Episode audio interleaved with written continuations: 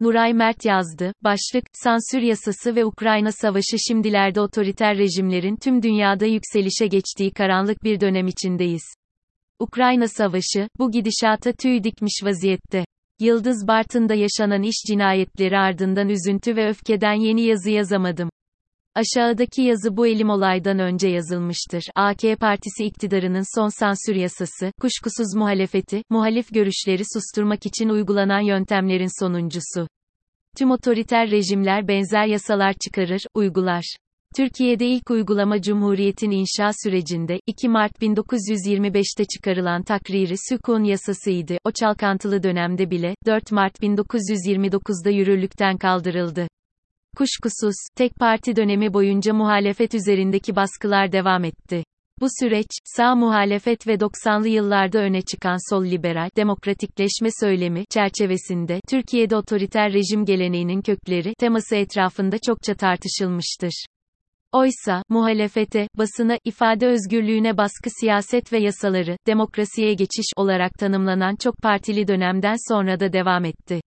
Benim ikinci tek parti dönemi diye tanımladığım Demokrat Parti döneminde ispat hakkı kanunu da tam bir sansür aracıydı. Ancak sağ otoriter siyaset geleneği Cumhuriyetin inşa ve tek parti dönemine takıntılı demokrat ve liberaller tarafından görmezden gelinmiştir. Darbeler, sıkı yönetimler, legal ve paramiliter komünizmle mücadele süreçleri de malum.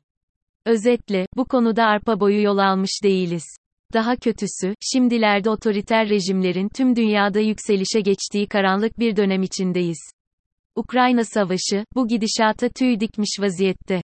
Mesele sadece çeşitli nedenler ile otoriter siyasetlerin yükselişe geçmiş olması değil, fazladan küresel çerçevede kıymete binmiş olması.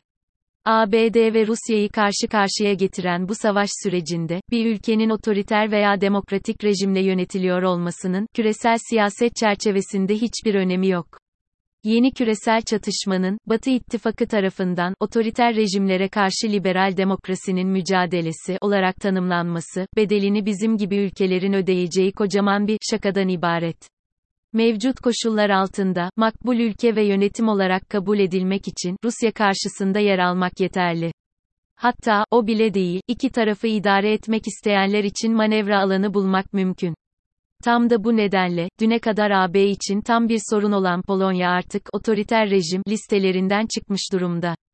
Hindistan'da Modi yönetimi, üstelik de Rusya'ya karşı kesin tavır almamış olmasına karşın, uluslararası itibarını kaybetmek bir yana, paylaşılamayan bir müttefik haline geldi.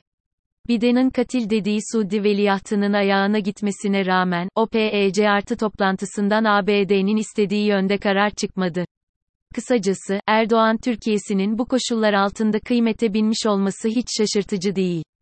Bırakın sansür yasasını, mevcut iktidar sıkı yönetimi ilan etse, batılı müttefiklerin umrunda olmayacak. Bu gerçeğin farkında olmamak veya bu gerçekle yüzleşmekten kaçınmanın muhalefete hiçbir faydası yok. Yani, aleme rezil olduk, uluslararası itibarımız zedeleniyor, türünden muhalefet yapmak abesle iştigalden başka bir şey değil.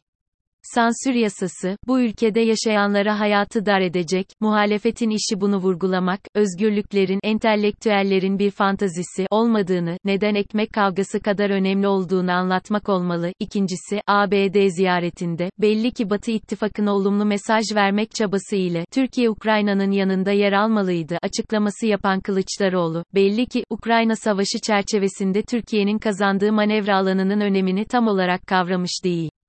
Oysa, zamanında İnönü'nün denge politikası izleyerek Türkiye'yi 2. Dünya Savaşı dışında tutması, CHP'nin tarihiyle en çok övünç duyması gereken konuların başında gelmeli, ilham kaynağı olmalıydı.